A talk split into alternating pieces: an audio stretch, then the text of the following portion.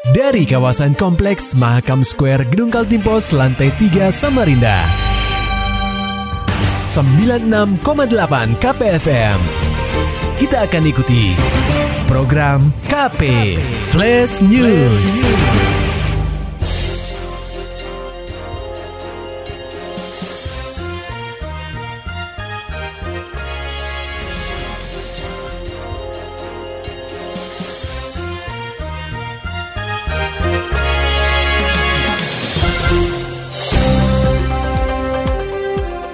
Pendengar KP, para pemudik yang menggunakan moda transportasi udara mulai terlihat memadati Bandara APT Pranoto Samarinda. Dari pantauan KPFM Samarinda terlihat bahwa ribuan penumpang sudah mulai hilir mudik di Bandara APT Pranoto. Bahkan menurut Kepala Unit Penyelenggara Bandar Udara atau UPBU APT Pranoto Samarinda, Dodi Dharma Cahyadi, saat ini jumlah penumpang per hari tercatat sebesar 4.550 orang. Hal ini dapat dikatakan cukup fantastis, mengingat dalam jangka waktu 6 bulan, Bandara APT Pranoto Samarinda bisa berkembang seperti ini, melampaui bandara yang ada di Tarakan.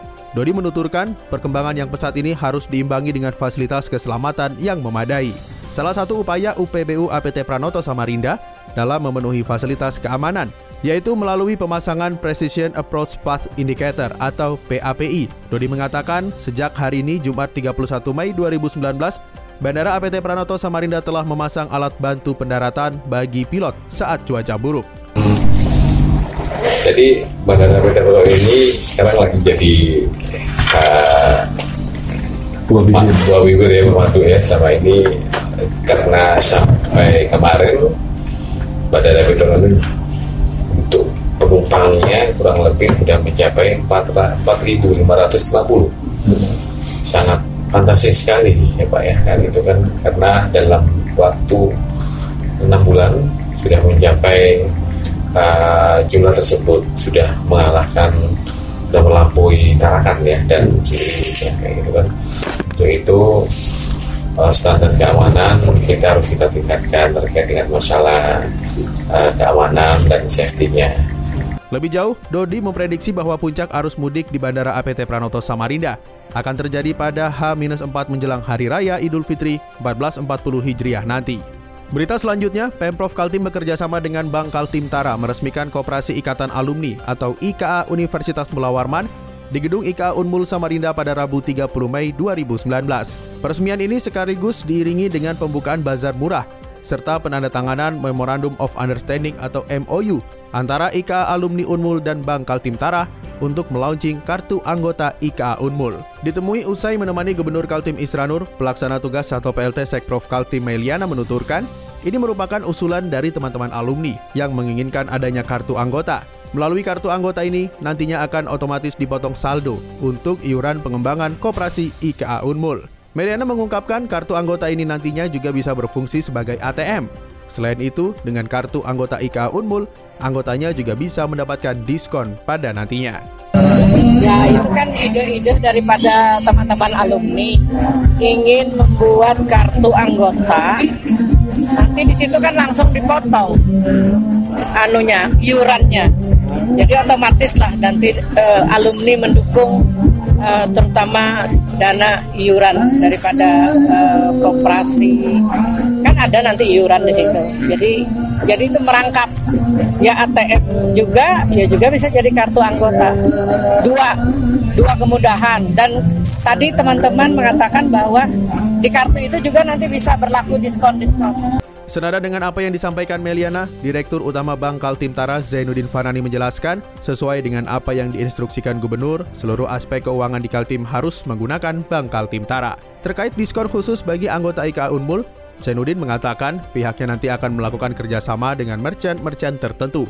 Namun untuk saat ini Bank Kaltim Tara masih melakukan survei merchant mana saja yang bisa diajak kerjasama. Kita Gubernur mengatakan bahwa tolong semua eh, apa namanya aktivitas yang ada di Kaltim ini dari aspek keuangannya harus menggunakan Bank Kaltim Tara. Ya. Karena itu adalah lembaga keuangan ya. yang bisa meningkatkan kesejahteraan. Nah, oleh karena itu kami terima kasih banyak kepada IKA Unmul ya kerjasama ini bukan hanya anggota tapi dengan jumlah uang yang terkumpul di Terkumpul, Kaltim ya. itu sama saja. DPK Pak ya. Iya, Ika Unmul juga turut serta membangun Bangun ba Bangkal Timtara. Bangkal Timtara. Jadi kolaborasi yang sangat luar biasa. Melalui kerjasama antara Bank Kaltimtara bersama IKA Unmul, Zainuddin menyampaikan secara tidak langsung IKA Unmul membantu Pemprov Kaltim dan Bank Kaltimtara dalam membangun dan mendukung perkembangan Provinsi Kaltim. Berita selanjutnya, Gubernur Provinsi Kaltim Isranur menganggap bahwa batasan umur yang tercantum dalam syarat seleksi jabatan pimpinan tinggi Pratama atau JPTP tidak berlaku bagi peserta yang sudah memiliki jabatan. Laporan selengkapnya akan disampaikan oleh reporter KPFM Samarinda, Muhammad Nur Fajar. Pendengar KP, kontroversi mengenai adanya beberapa peserta yang lolos, meskipun ada beberapa persyaratan yang tidak terpenuhi dalam seleksi terbuka jabatan pimpinan tinggi Pratama atau JPTP Kaltim tahun 2019, mendapat respon dari Gubernur Provinsi Kaltim, Isran Nur. Patut diketahui bahwa sebelumnya, terdapat beberapa peserta seleksi yang lolos, meskipun umurnya melewati batas persyaratan yang ditentukan dalam seleksi JPTP Kaltim tahun 2019, yaitu maksimal 56 tahun.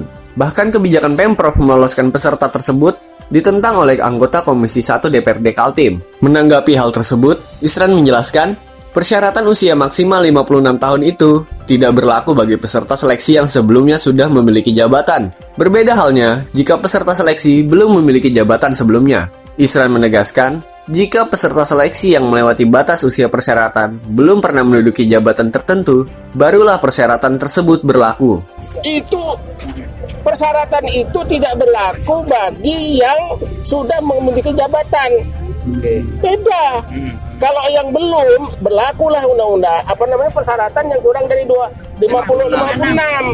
Mestinya di situ. Jadi kalau lewat Berarti boleh, Pak, ya? 56 boleh Pak ya. Berarti boleh Pak ya karena dia sudah pernah punya Kenapa? Penegasan dari Ya kan memang dia. Kenapa memang? Kalau dia sudah mau modar, nah baru. Kalau ini dia masih Siap, sudah siap. pernah memiliki jabatan, dia hanya diperlukan sebagai persyaratan untuk seleksi di asesmen. Lebih lanjut, Isran menambahkan, pembatasan umur ini kan hanya digunakan sebagai persyaratan untuk seleksi di asesmen saja, jadi tidak perlu dipermasalahkan. KPFM Samarinda, Muhammad Nur Fajar melaporkan. Beralih ke berita selanjutnya, Ketua DPRD Samarinda minta calon wawali copot jabatan. Laporan selengkapnya disampaikan reporter KPFM Samarinda, Maulani Alamin. Pendengar KP, Ketua DPRD Samarinda Alfat Syarif meminta agar tiga nama calon wakil wali kota atau wawali Samarinda mengundurkan diri dari jabatannya saat ini. Ketiga nama tersebut adalah Barkati dari Partai Demokrat, Saifuddin Zuhri dari Nasdem, dan Sarwono dari PKS. Alfat menerangkan, melepas jabatan merupakan syarat dalam melengkapi berkas calon wawali. Dia mengaku telah menginstruksikan panitia kecil wawali untuk memverifikasi berkas calon dimaksud. Di antaranya adalah LHKPN, seperti utang piutang dan surat pengunduran diri. Jadi saya segera perintahkan, saya sudah bicara dua wawali, yang satu kan belum. Dua wawali sudah tadi ada Pak Bupati yang hadir, ada Pak Sarwono.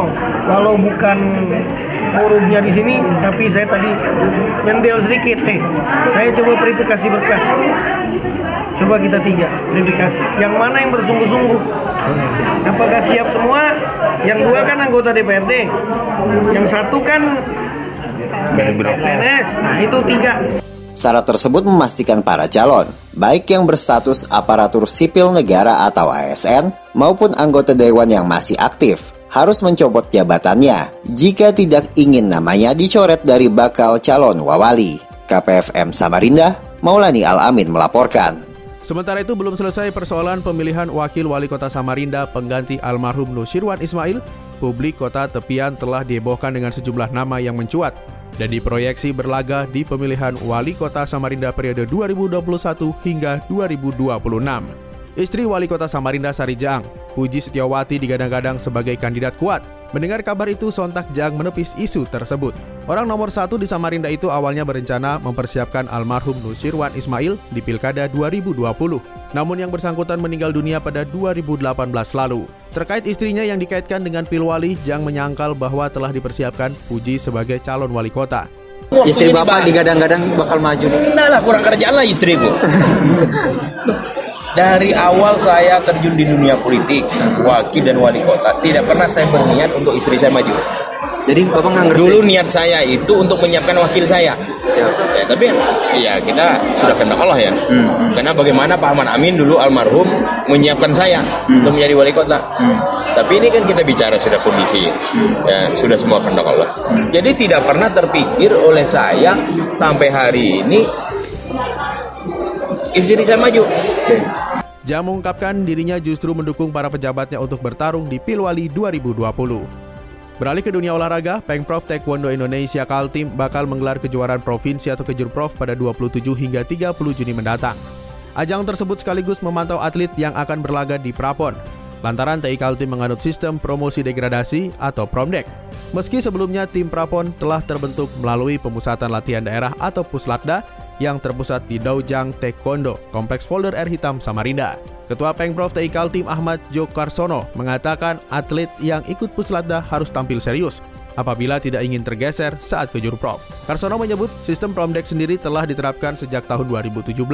Para pengcap sepakat dengan cara tersebut akan muncul atlet taekwondo yang terbaik untuk membawa nama harum Kaltim di tingkat nasional. Jadi dalam kejurprov ini nanti intinya kami akan melihat atlet-atlet yang selama mengikuti puslada ini kemajuannya seperti mana. Satu. Kedua, dan tidak tutup kemungkinan juga pasti ada degradasi. Degradasi dalam halnya apa? Mungkin dengan adanya penggabungan atlet junior dan senior ini, atlet junior ini kan punya ambisi kuat untuk menggantikan senior-seniornya dia. Nah, itu kan mereka punya semangat lebih hebat daripada atlet senior dan atlet senior ini juga tetap pasti mempertahankan reputasi mereka bahwa mereka tidak mau dikalahkan dengan atlet pendatang baru tapi tidak tutup kemungkinan bisa tergeser karena saya melihat melihat perkembangan besar di Taekwondo Kaltim ini adalah atlet junior ini majunya pesat sekali. Ya. Karsono melanjutkan dalam pelaksanaan sistem Promdek, para pengcap tidak ada yang mempermasalahkan. Karena mereka telah mengetahui kalau Pemprov tengah mencari atlet yang siap tampil, baik senior maupun junior. Maulani Alamin, Muhammad Nur Fajar, KPFM Samarinda. Demikian tadi telah kita simak rangkaian berita-berita yang terangkum dalam program KP Flash News. Persembahan dari 96,8 KPFM. Terima kasih dan sampai jumpa.